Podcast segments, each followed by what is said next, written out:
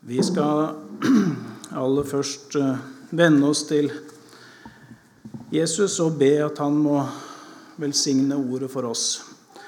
Kjære Jesus, vi takker for at vi får lov å påkalle ditt navn. Og selv om du ble født som bare et lite barn, så var vitnesbyrdet fra himmelen klart at han skal kalles under og rådgiver og veldig Gud og evig far og fredsfyrste. Og så takker vi Jesus for at du som er det, du ble også vår bror. Og du bøyde deg så dypt ned at du til og med ville bære all vår synd og bære både det vi har mot til å bekjenne for mennesker, og det vi ikke har mot til. Og så bærte du det, Jesus, og du veit om alt. Og Jesus, så ber vi om at du også vil komme oss nær i denne stunda. Og vi ber om at du først og fremst vil røre ved hjertene våre mer enn følelser og, og forstand. Amen.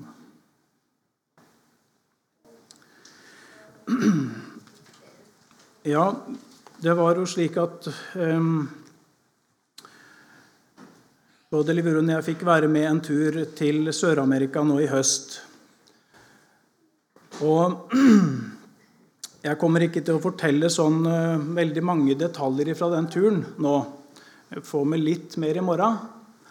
Men uh, vi skal nå både ha for oss Guds ord, og vi skal også se noe av dette med Guds ord, hvordan det arbeider i menneskehjertene, eh, hvor, der hvor det blir tatt imot.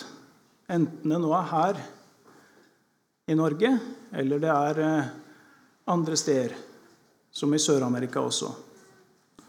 Det er egentlig et under det er når Guds ord får plass i et menneskes hjerte. Og Aller først så skal vi slå opp i biblene våre Eh, det vil si her Vi kan først lese det som jeg har satt opp på, på skjermen her, fra apostelgjerningene 1347. For det verset der, det er egentlig, der er det slått sammen to skriftsteder fra Jesaja. Slått sammen fra Jesaja 42 og fra Jesaja 49. og Vi skal lese det etterpå. Men hør her hva det er Paulus og Barnabas som sier, som forkynner til hedninger, eller her er det til jøder, egentlig. Apostelgjerningene 1347. For dette er Herrens bud til oss. Og så siterer de. Jeg har satt deg til et lys for hedningene, for at du skal være til frelse like til jordens ender. Det ordet som eh, som Gud I Jesaja-boka der så profeterer Jesaja, og så er det Gud som Faderen som sier til Sønnen at 'jeg har satt til et lys for hedningene', for at du skal være til frelse like til jordens ender. Men så sier Paulus og Barnabas her at 'for dette er Herrens bud til oss'. Og det ble nytt for meg da jeg leste dette ordet. Dette er Herrens bud til oss. Det var altså et ord som først var sagt Faderen sier det til Sønnen. Men så er det da et videre et bud til oss, til alle dem som tar imot Sønnen. Og da ser vi på en måte inn i Det er noe veldig stort et menneske blir satt inn i når det kommer til tro på Jesus. Da blir det satt inn i sammenhengen med Jesus, han som har fått løfte av Faderen at 'jeg har satt deg til et lys for hedningene', og det skal nå helt til jordens ender. Og så blir du som har fått blitt kjent med Jesus og har fått Jesus i ditt hjerte, da er du med ett inni dette her, som Faderen sier til Sønnen. Så skal vi slå opp der i Isaiah 42.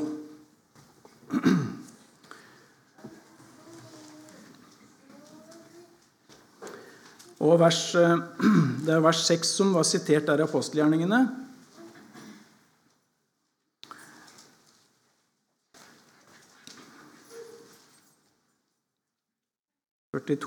ja.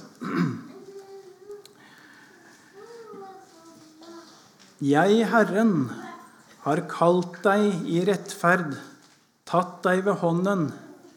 Jeg vil verne deg og gjøre deg til en pakt for folkene, til folket, til et lys for hedningene. Og hør her videre hvilke løfter som blir gitt.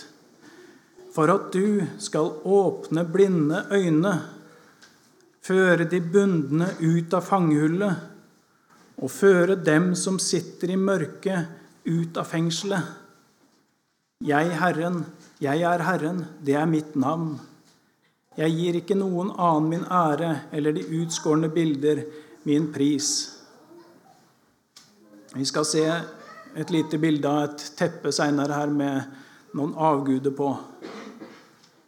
Men her sier Gud at det er bare én Gud. Det er ikke noen flere. Det er bare én Gud. Og så står det her at når Jesus altså blir til frelse, når Jesus blir forkynt og tatt imot, da åpnes blinde øyne. Da føres de bundne ut av fangehullet og fører dem som sitter i mørket, ut av fengselet. Og Her må jeg få lov å si en ting med en gang. Um, veit at det, til et menneske som føler seg fri, så er det kanskje ikke så hyggelig å si til deg at du er bundet. Et menneske som syns at det, ja, det er kanskje et menneske som fra, fra skaperens side er utrusta med et lyst, lyst sinn, og ofte er glad. Og så si til det mennesket at du sitter i mørket, du. Du er bundet.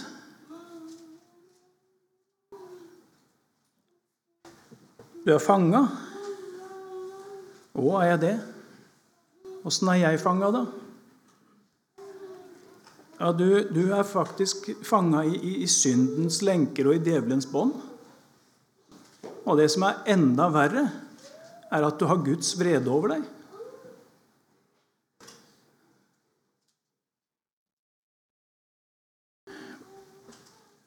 Og så er det så fristende å hoppe over det der, for det, det høres fælt ut.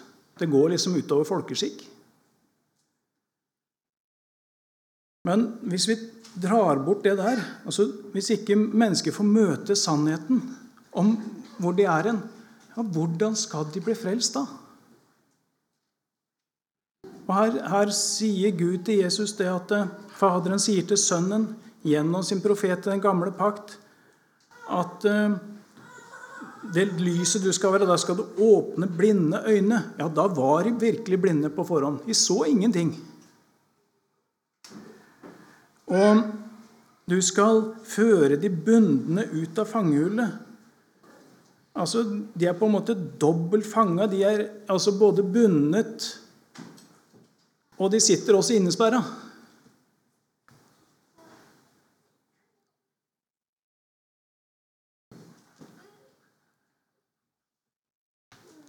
Hvis vi da snakker med et sånt menneske og på en måte gir det inntrykk at det er utafor fengselet, det er fri, lurer vi det jo. Vi bedrar det mennesket. Og det er så ille at eh, hvis ikke et menneske skal få oppdage det fangenskapet der før det er for seint, og det går inn i det må vi si egentlig det evige mørke og fangenskap. Den evige fortapelse. Men her er det altså noe vi skal få lov også skal få lov også forkynne her. At det er et lys. Det er, ingen, det er ikke noe forskjell på oss her sånn. Alle har syndet og står uten ære for Gud. Alle sammen er vi av vår egen natur blinde og fanga og bundet. Men det er bare én ting som kan redde oss ut. Det er Han som Gud har satt til lys for folket, til et lys for hedningene. Og så står det i Isaiah 49, 49,6 Jeg må passe på litt nå at ikke jeg hadde et mål om å få begynt litt på bildene før dere sovna. For det er, det er det her møtet på ettermiddagen, det er litt kritisk. Jesaja 49, 49,6. Han sier, og igjen så er det Faderen som sier til Sønnen det er for lite at du, at du, er min tjener til å gjenreise Jakobs stammer og føre den frelste rest av Israel tilbake. Så vil jeg da gjøre deg til et lys for hedningefolkene, for at min frelse må nå til jordens ende. Så vil jeg gjøre deg til et lys for hedningefolkene. Skal du høre noe rart? Hvis du har Jesus i ditt hjerte, så lyser Jesus. Jesus lyser. Han er verdens lys. Og ser du det da at hvis du på en måte der du da går med Jesus i hjertet og når, når, vi sier at Jesus er i hjertet, så er det han som er bestemmende for livet mitt. På alle måter, egentlig. Men så er han der. Og så der du går da, der lyser Jesus. Har du sett eh, Det er noe veldig befriende i det der. For vi kan slite og bale noe forferdelig med det med tjenesten. Men der hvor Jesus bor, bor han i hjertet ditt. For han lov å tale med deg, og du snakker med han, og det er samfunn dere imellom. Da kommer han til å lyse rundt der hvor du går. Lys til jordens ender. Ser dere Jeg prøvde også å tegne inn noen, noen prikker på dette kartet her. Til jordens ender. Så ser dere den største, største prikken her. Den, eh, det er jo der Jesus ble åpenbart, da han ble født. Kanskje vi skal skru ned litt på lyset der, ja. Det er bare vri litt ned på det her. Det er jo der hvor Jesus ble født. Det er jo åpenbaring på Sion. Så slår du av den uh, bryteren i bånn. Og der går Guds ord ut ifra. Gjennom åpenbaringsfolket, gjennom Skriften, apostlene etterpå. Så ser dere en prikk som er eh, litt lenger opp i mer sentralt i Europa, Øst-Europa. Det er Moldova, Transnistria.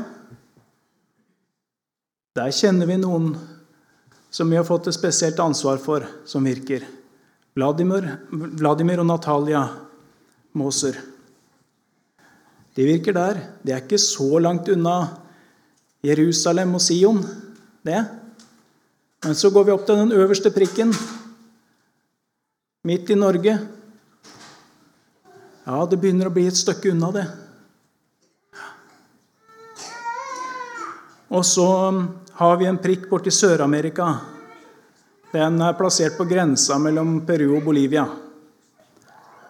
Og for å komme dit så for vår del, da, så var det først to timer til Amsterdam. Og så litt venting der, og så var det tolv timer videre til Lima. Og så tok jeg bilde av denne skjermen på flysetet her. Og um, vi har flydd i mange timer på det første bildet her, det som er til, til venstre. Da er vi fortsatt ute på Atlanterhavet. Har flydd i 800-900 km i timen i, i uh, fra Amsterdam sikkert en åtte timer, tenker jeg. Sju timer. Det er utrolig langt. Og um, Det slo meg flere ganger. Vi, vi kjørte mye fly på den turen her, for det var ganske store avstander mellom de plassene vi skulle. Så det blei vel uh, Var det seks uh, flyreiser, Liveren?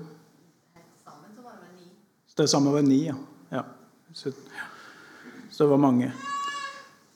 Og det er så store avstander. Og så tenke på hva Gud har skapt. Og ha kontroll på alt det her. De enorme hava. Og det mylderet av liv som var nede, de som ikke vi så noe til. også de enorme fjella og landskapene og jungel og et nettverk av eh, elver.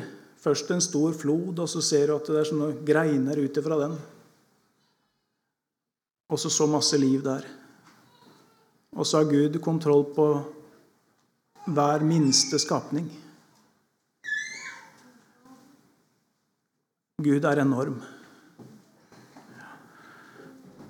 Det var, men dette med evangeliet altså Ofte så tenker vi at det, det er liksom det med historien og, og verden og, og, som er liksom eh, det egentlige. Og så, og så plutselig inn i historien så kom, kom, kommer Gud med Abraham og folk og med etter hvert Jesus som blir født. og sånn.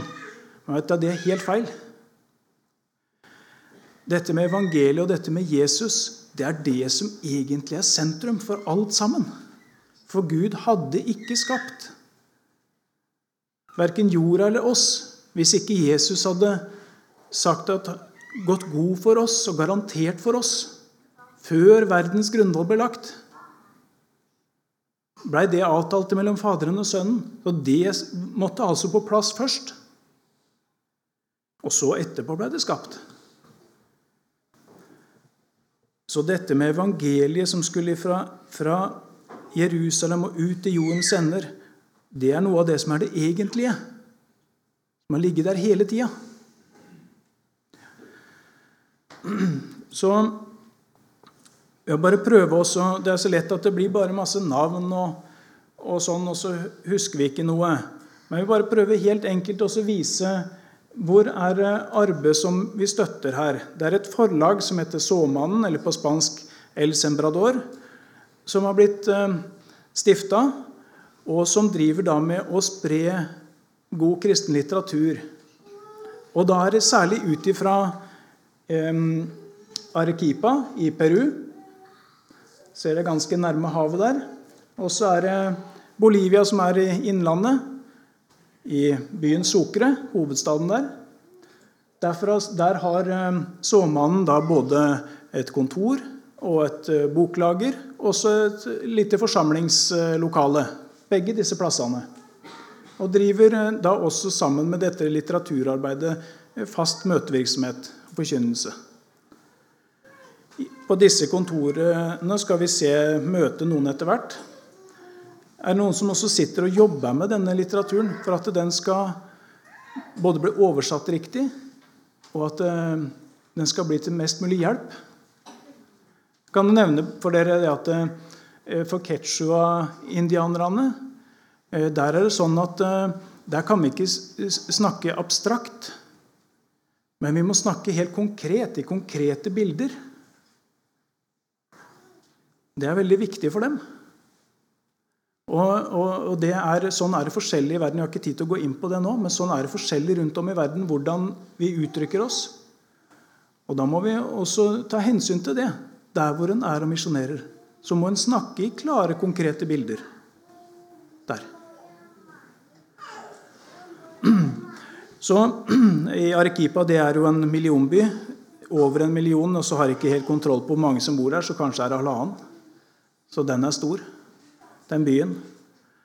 Og i Bolivia, Sucre, da, det er en betydelig mindre by. Eh, på mange måter finere, mer organisert by. Der er det ca. 200 000 innbyggere. Men midt der i disse to byene så har såmannen på en måte sine baser. Og så et lite bilde til. Jeg vet ikke om dere klarer å Jo, dere ser pilene.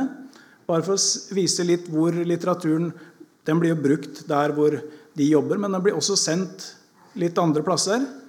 Fra Peru så blir det sendt opp til eh, Colombia i nord og Ecuador, som dere ser er blå på kanten der på Stillehavskysten. Og så ser dere ei pil som går rett ut i havet. Den, det er ikke helt riktig retning på den pila, tror jeg. For den skal peke mot Cuba. For det er en, en peruaner eh, som eh, Han er bosatt i Canada, men han har et ganske stort arbeid på Cuba. Tre store forsamlinger. Og han eh, for, eh, har fått tilsendt ganske mye litteratur av Rosenius. Og bruker det. Og de trykker opp forskjellig materiell der. I Bolivia der blir det sendt eh, Ikke så mye til Brasil. Det har vel foreløpig bare én sending, tror jeg. Men nedover mot Argentina så er det blitt sendt flere ganger. Og eh, Jeg skal ikke si hvem det var, for jeg, og jeg tror kanskje mange kunne kjenne seg igjen i det den personen sa i går. Og at jeg eh, syntes det var litt tungt å lese den store hushandelsboka til Rosenius av og til. Ja, jeg tror eh, nok noen flere kan skrive under på at de har kjent på det. I hvert fall hvis den ikke har vært så opplagt. Men eh, det som er veldig rart, er at særlig den boka, når den blir sendt rundt og den blir lest, så er det i Sør-Amerika så virker det som at det er noe som våkner hos noen av flere av de som leser det. De får lese noe som de aldeles ikke er vant til å lese. De får lese noe som de faktisk sperrer øynene opp for. Om å lese om igjen, sto det virkelig det? Og så går de også etter hvert til Bibelen og ser etter. Er det sånn Bibelen taler? Og det går særlig på det der med å bli fri. Friheten i evangeliet. Å bli løst og fri. Så sperrer de øynene opp. Sto det virkelig det? Og så må de lese om igjen. Og det er en del mennesker som har blitt frelst på den måten. Så har vi hørt mye og lest mye av denne litteraturen, eh, kanskje her i Norge. Og så sperrer nok ikke vi øynene opp på samme måten, eh, men vi burde nok gjort det. For eh, i stor grad så har mye av det med evangeliet har gått til huet på mange av oss. Mer enn at det er et sånn skrikende behov fra hjertet. Jeg må ha nåde, ellers så går det meg evig ille.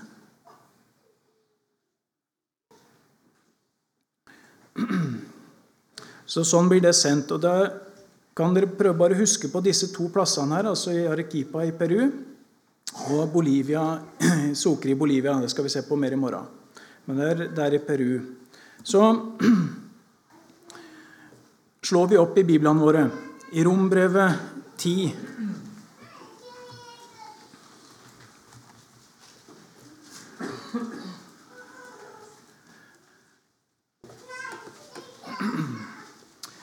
Rombrevet 10. Og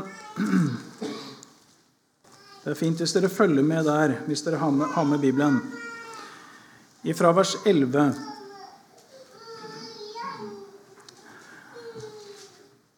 Og tenk nå på eh, altså Bare i denne byen Arequipa så er altså en million, kanskje halvannen million mennesker. Bare i én by. Det er enormt mange mennesker. Men tenk da videre utover den ganske jord, hvor masse forskjellige mennesker vi finner, og hvor mange forferdelige utslag etter syndefallet som har vist seg på alle disse menneskene. Og så står det det i Rombrevet 10 og vers 11. For Skriften sier:" 'Vær den som tror på ham, skal ikke bli til skamme. Og nå må du streke under 'vær den'. Hver. Og så kunne vi stilt fram masse mennesker, og vi er ganske mange mennesker samla her. Og her kan det også være mennesker som har veldig vonde syndesår osv. Men det står her 'vær den'. Vær den som tror på ham skal ikke bli til skamme. Og her er ikke forskjell på jøde og greker. Vi er jo blant grekerne her, ikke sant? hedningene. Her er ikke forskjell på jøde og greker. Alle har de samme Herre, som er rik nok for alle som påkaller ham.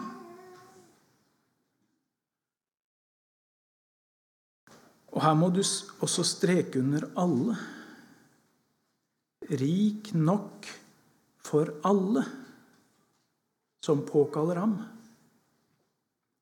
Det blei så veldig for meg når jeg leste det her nå. Jeg har lest det mange ganger. Jeg kan det egentlig utenat også.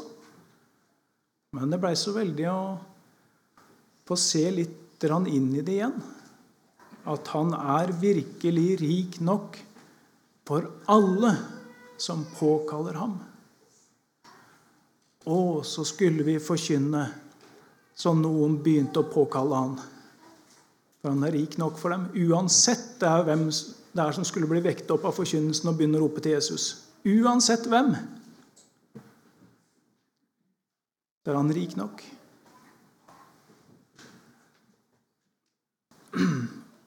Og vers 14.: Men hvordan kan de påkalle en som de ikke er kommet til tro på? Og hvordan kan de tro på en som de ikke har hørt om? Og hvordan kan de høre uten at det er noen som forkynner? Og hvordan kan de forkynne uten at de blir utsendt? Som skrevet står, hvor fagre deres føtter er som bringer fred, som bringer et godt budskap. Men ikke alle var lydige mot evangeliet. For Jesaja sier, Herre, hvem trodde vel det han hørte av oss? Og ikke alle var lydige mot evangeliet. Jeg tenker at det blir en sånn dobbel virkning her av ulydighet imot evangeliet. For det første så kan det hende at du går glipp av det sjøl. Og for det andre så er det sånn at om ikke du får leve og se inn i evangeliet, at du har en frelser som er rik nok også for deg, og alt med deg Rik nok. Hvis ikke du får se inn i det, så kommer det heller ikke til å ligge på hjertet ditt at han er rik nok for alle de andre også. Han er rik nok for naboen din, for slektningene dine og for hedningen som ikke har hørt ennå.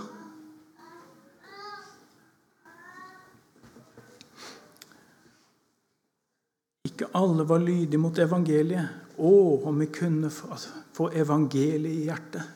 At det lyste opp for oss. At vi fikk se at det, her i, i min fattigdom så har jeg en som er rik nok på alle områder.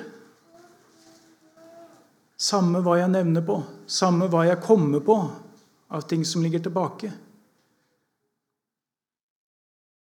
så er han rik nok. Så har han gjort det opp. Så har han utsletta det skyldbrevet. Å, for en frihet! Og er han så rik når han begynner å kjenne seg sjøl, ja, du skjønner at da er han rik nok for de andre òg. Men hvordan kan de Altså en som de ikke er kommet til tro på, en som de ikke har hørt om, uten at noen forkynner, uten at de blir utsendt.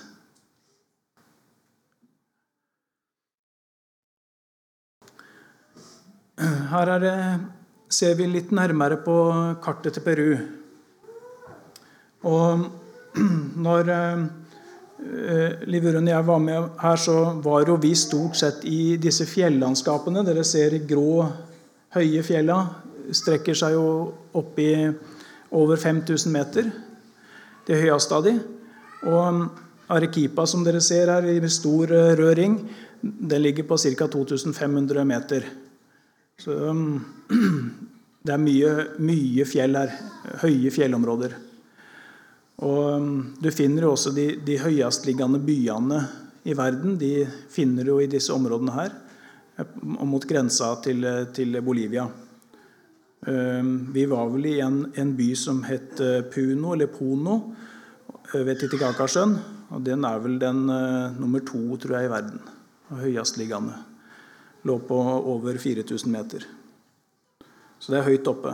Men så ser dere det at Peru det består jo egentlig av like mye regnskog og lavland. Så det er enorm forskjell fra de områdene som vi reiste i, hvor det var så, nå var det fryktelig tørt. Eh, veldig mye kaktus, eh, ørkenområder osv. Og bare nede i dalene, ofte det grodde, Vanningsanlegg vanningsanlegget helt fra gamle Inka-tida, hvor indianerne leda vann fra fjella og så ned i dalene, så de klarte å dyrke. De brukes eh, den dag i dag. Og så er det grønt der, men ellers er det ofte goldt landskap. Og utenom regntida så, så, er det så tørt, så tørt. Og det er kaktusene stort sett som dominerer. Og en del tørre busker. Men eh, Peru er altså så mye mer enn det. Det er også regnskog og, og voldsomt frodige områder nedover mot Brasil og Amazonas. Der i Arequipa der er et ansikt som jeg skulle ønske dere blei kjent med. Hvis dere hadde fått håndhilse på Miguel, da hadde dere huska det etterpå. Det er det desidert kraftigste håndtrykket jeg har vært borti. Og det var det flere som kunne bevitne. Så hvis han er beinskjør, så bør han ikke hilse på han. Eh, Miguel han er egentlig utdanna revisor. Har drevet mye med regnskap tidligere. Men eh, en del år nå i det seinere så, så, er han eh, koordinator for, for arbeidet til såmannen her i Arequipa. Og han også Eh, koordinerer også mye av arbeidet til UM, Union Missioneria. Så han, han arbeider på fullt i, i sånn misjon. Det gjør han. Og Miguel han ser ikke på seg sjøl som noen predikant. Han syns han har litt tungt for å tale. Men samtidig så ser han at det er en nød. At det trengs opplæring og undervisning. Og, og, for det er noe med det med at når du distribuerer disse bøkene, og sånn, så får du ofte lov å reise med og undervise og lære litt i forbindelse med at du leverer ut bøkene. Men han, han er, griper i en brann om å, å, få formidle dette budskapet om Jesus og dette befriende budskapet hos, hos Rosenius også. Miguel han eh, bor i Arequipa, virker der, i byen. For ikke så lenge siden, før, eh, eller et halvt års tid siden vi var der, så hadde han jo vært eh, Da var det nytt fylkesstyre som var valgt i Arequipa der. Og da hadde han troppa opp når de var forsamla, og, og, de hadde fått hver sin hushandelsbok. Ordføreren lova at han skulle lese den. Så um, de er frimodige, må jeg virkelig si. Og så er det annerledes for en peruaner når han får ei bok sånn. Når han ser på det som noe stort, og de leser veldig ofte det de får. Og um, Da er det så flott med den hushandelsboka, fordi det er ikke bare en bok han leser igjennom og blir ferdig med på et par-tre dager. Men det er noe som egentlig er lagt opp til å lese litt stadig. Så får en stadig sånne drypp. Og så lurer en på hva dette er, osv. Um, her ser dere um, Sånn er det rundt Arkipa. Arkipa ligger på 2500 meter, men likevel så ser det så høye fjell rundt. Og det her er bare én av retningene, men det, du har sånne høye fjell rundt i flere av retningene. På um, noen av de over 5000 meter. Eh, mektige fjell. Hvis du snur oss litt i en annen retning, så ser, ser utover byen, så ser dere at det her blir vel da um, sørover. Eh, litt Ja, jeg gikk litt vill i retningene der ute, men um, Dere ser at det er store områder langt utover. Og så midt inne i byen så ser det veldig flott ut. I et, noen kvartaler der så er det veldig flott fantastisk park og, og bygninger og katedraler og sånn. Men etter hvert som du kommer litt og litt lenger ut fra sentrum, og ikke så langt, et par kilometer kanskje, så går standarden ganske mye ned. Og mm, det her er vel kanskje et uh, mer typisk sånn bybilde når du kommer litt lenger ut. Sånne tre, trehjuls uh, drosjer, ser dere. Og så er det motorsykler og Én og to og tre og fire stykker på motorsykkelen. Veldig vanlig at det satt en unge framme på tanken. Det var det. Og de livnærer seg på mange mulige måter. Det er veldig du kan si at for, for, mange av de som bare begynner å selge noe på gata, så, videre, så er ikke de momspliktige eller skattepliktige. Eh, så, så, det er på en måte ganske lett å starte opp og, og um, livnære seg på det. Jeg vet ikke akkurat hvor grensene går for at de blir det. Men, men derfor er det veldig mange som har en liten geskjeft, selger et eller annet lite. Sånn som her, eller, eller ute til og med i køen eh, med trafikklysa. Da passa de på å være ute og solgte både drikke og forskjellig. Så måtte jeg ta med et, et bilde her også fra når vi akkurat kom inn, kjørende inn fra flyplassen. Og Da var det eh, ikke så lenge til allehelgenssøndag. Og da skulle både sånne krusifikser og, og sånne mm, helgenstatuer og forskjellig, og også Kristus-statuer skulle luftes ute i byen i prosesjoner. Og så kjører de rundt, da, enten de bærer, noen drar, og her er det på en tilhenger. Så går de rundt sånn. Og um, um, Det er flere ganger jeg tenker på det der at så ser vi bildet der av Jesus på korset. Og så um, er om å gjøre å vise Jesus rundt omkring. Men så får vi et veldig klart inntrykk av at eh, det som en på en måte tenker at berger en for himmelen, det er at en gjør alle disse tinga her. En går rundt og bærer på et Kristusbilde eller på et kors eller på sånne ting. At en kommer i et bedre forhold til Gud, gjør gode gjerninger på denne måten. Og så kommer det helt i bakgrunnen at eh, Jesus han hang jo der med alle mine synder. Tenk på de som går rundt den prosesjonen her.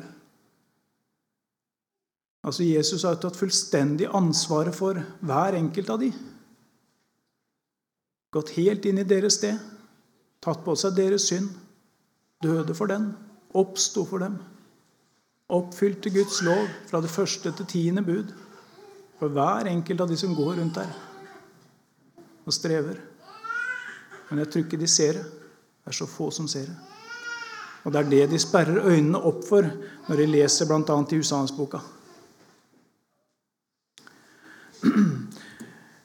Her eh, Det er eh, nokså nærme sentrum, egentlig. Så ser dere dette hvite huset i midten av bildet. Der eh, har såmannen kontor og, og boklager. Og også en lite forsamlingslokale.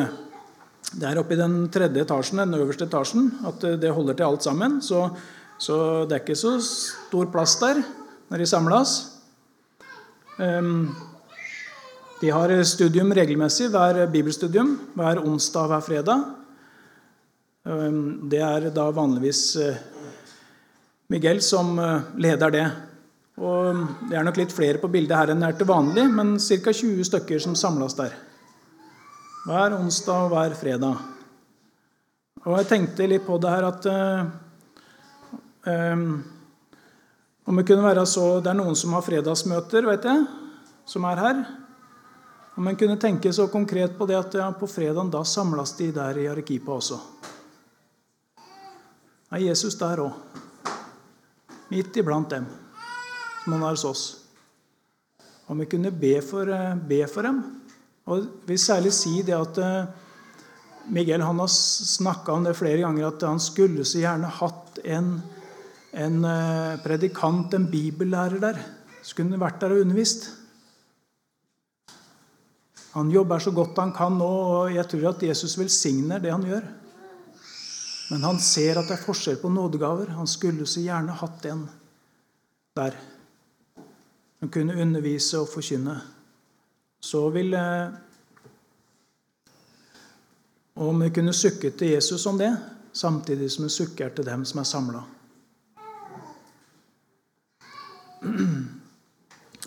Så går de gjennom forskjellige opplæringshefter eh, og gjennom forskjellige skrifter. Jeg hørte vel Filipperbrevet nevnt når jeg var der ute nå.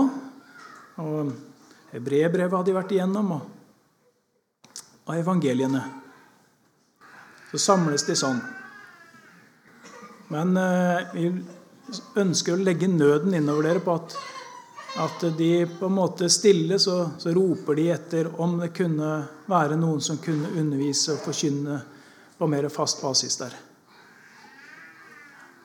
På mm, et av møtene som vi var der, så var det ei, ei jente. Vet ikke akkurat hvor gammel hun er. Eh, Marit eh, står sammen med henne, og så er det bestemora hennes som står i bakgrunnen. Hun er veldig trufast med der hun bestemora er en av støttene, tror jeg vi må si. Og så kom, det, kom denne jenta fram sammen med bestemora si, og så, da var preka ferdig osv. Og, og så ville hun lese noe for forsamlingen, denne jenta. Så leste hun opp Salme 115 og kunne den så å si utenat. Og det var, eh, det var altså så flott. Da fikk jeg eh, tekst til møtene seinere i Bolivia. For det hadde jeg ikke. Eh, og det var et, vitnesbyrd for min del til at, hvordan det går fra hjerte til hjerte. Og leste opp dette denne jenta. Og så blei det til, eh, tror jeg, til hjelp for min del og for dem videre i Bolivia seinere.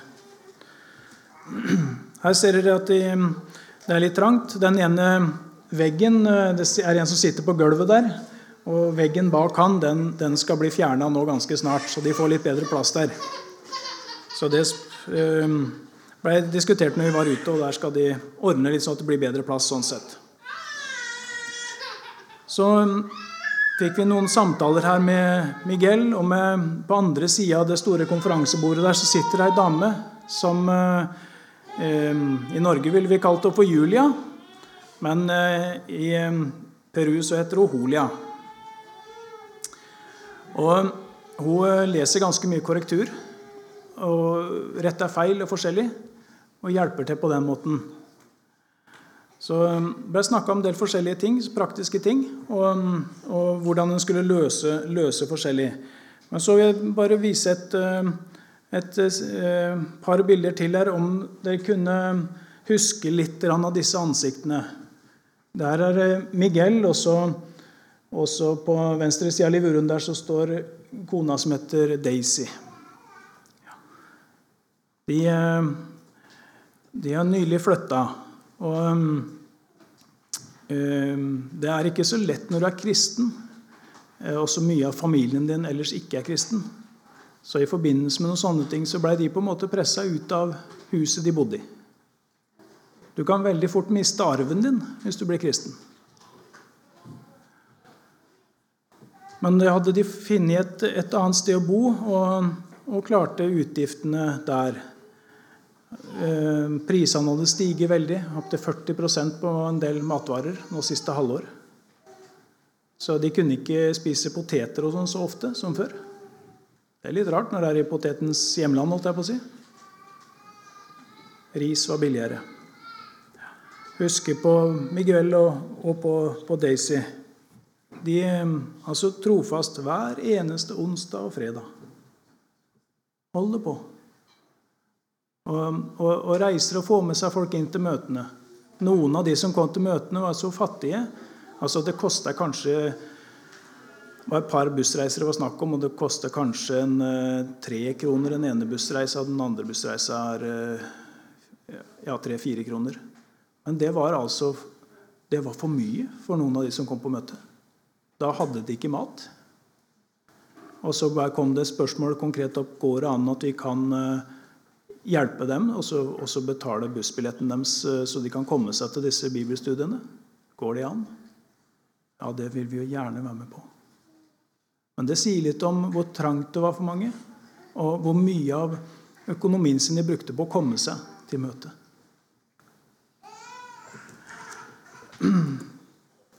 Slutt her så ser dere eh, Miguel står med det siste som har blitt eh, trykt opp, en andagsbok av Luther. Eh, bibelske skatter. Og um, det er eh, med spesiell støtte fra en eh, forsamling i Sandefjord, i bedehuset i Sandefjord. De ville være med å støtte arbeidet der ute. og Da ble det trykt opp etter deres gave da 1500 eksemplarer i Bolivia og 1500 i Peru. Og De var, ble delt ut nå, og, og var, folk hadde begynt å lese de. I bakgrunnen ser dere en, det er en evangelist fra en annen samling her, men han har han har vært på besøk hos oss. Han spiste frokost hos oss hjemme på Furulund for det er blitt ganske mange år siden, for Eivind og Tollef de krabba rundt på gulvet. De var helt små da. Obaldo het han. Og det var, må jeg si, var veldig kjekt å treffe ham igjen. Det var det. Ja. Obaldo. Så skal jeg ta med et, eh, et eh, bilde her sånn. Eh, det er jo Holia som står i, i midten her som leser mye korrektur og hjelper til sånn. Og så er det Felix, mannen hennes. Det er han som egentlig kom med ideen til dette med litteraturarbeid. Han er, han er lærer på, på, det teologiske seminaret i Arequipa, det som ble starta på Misjonssambandet for eh, en del år siden. Og han underviser der. Felix, ja. Og han er vel også den som fant på dette med navnet El Sembrador, eller såmannen. Ja, det var det. Og Han brenner for omgivelsene sine der. og Selv om han ikke arbeider for såmannen, så har han alltid med seg bøker fra såmannen rundt på forskjellige plasser hvor han preker.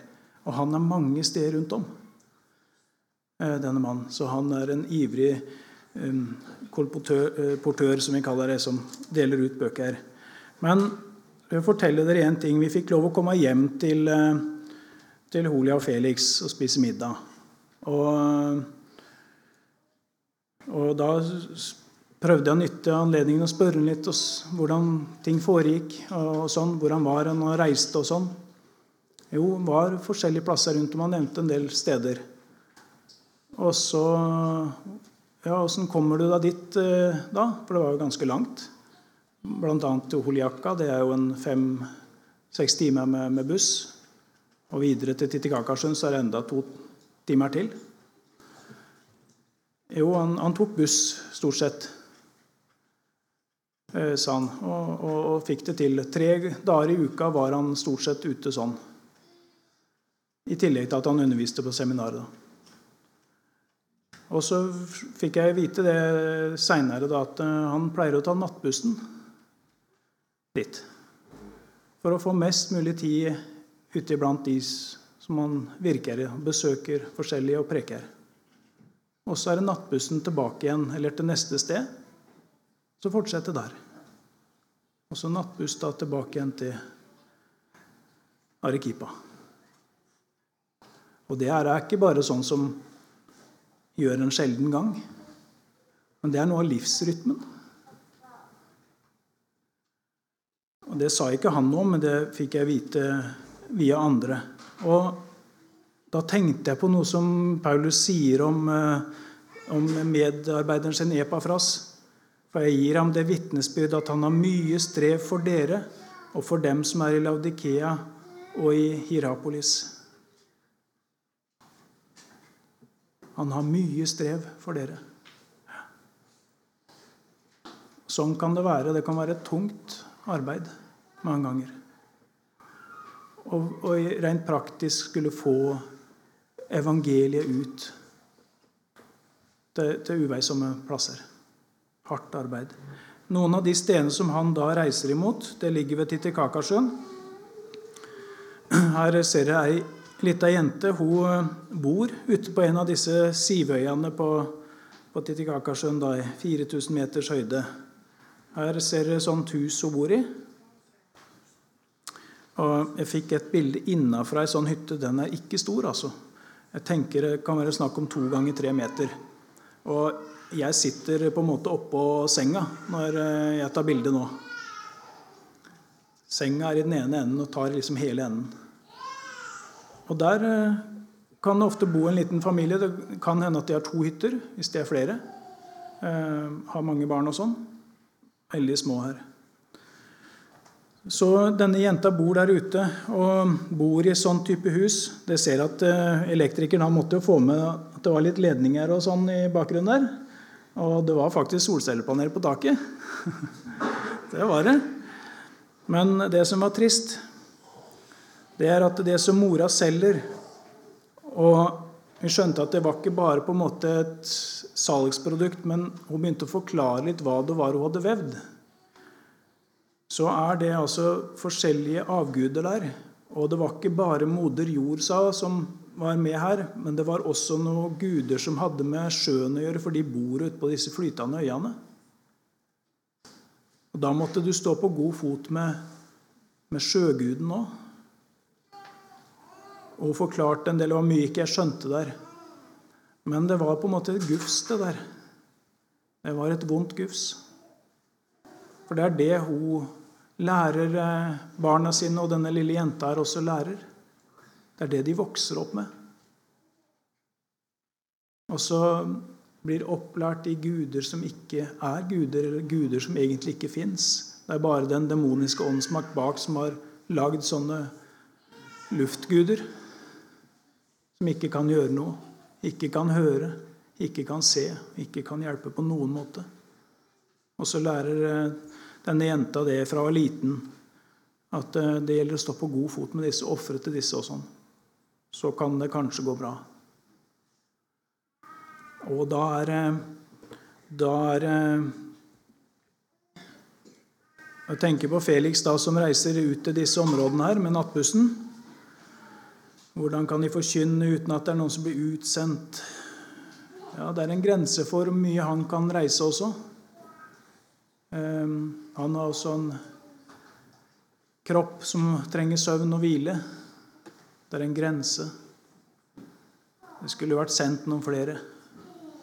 Og um, jeg veit at uh, han Felix han hadde med seg ei liste en gang til Ingar. Og så krøssa han av på et kart at det der og der og der Der skulle vi absolutt ha sendt noen. Der eh, har jeg ikke hørt stort. Men så har det ikke vært noen å sende. Hvordan kan de forkynne uten at de blir utsendt?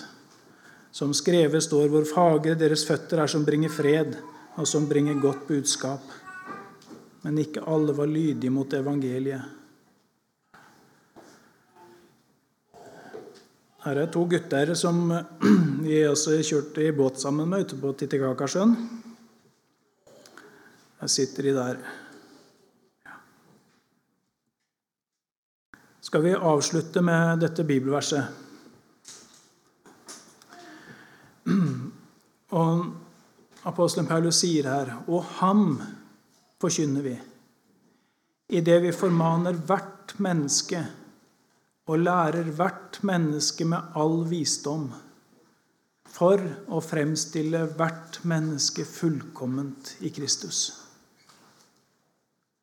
Ser her hvor viktig det er at hver eneste menneske faktisk får høre og bli undervist og formant så kan det enkelte mennesket også bli framstilt fullkomment til Kristus. For når du hører dette budskapet og får ta imot dette budskapet, så står du fullkommen i Kristus. Uten noe feil å lyte.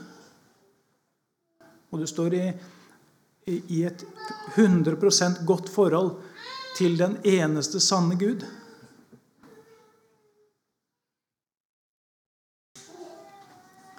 Ham forkynner vi, ja, for å framstille hvert menneske fullkomment i Kristus. Kjære Jesus, vi ber om at du får tale med hver og en av oss, og at vi først og fremst kunne bli rykka ut av det selvfølgelige med evangeliet. At vi heller kunne få lov å, å se inn i hvor enormt behov vi har for nåde og syndenes forlatelse og at du fyller det behovet totalt, Jesus. Også at det kunne bli en brann, om at flere kunne få høre. Og Vi ber deg konkret, Jesus, om det var noen som du kunne kalle og drive ut. Som kunne få være med i dette store med at du, Jesus, er lys for hedningene like til verdens ende. Amen.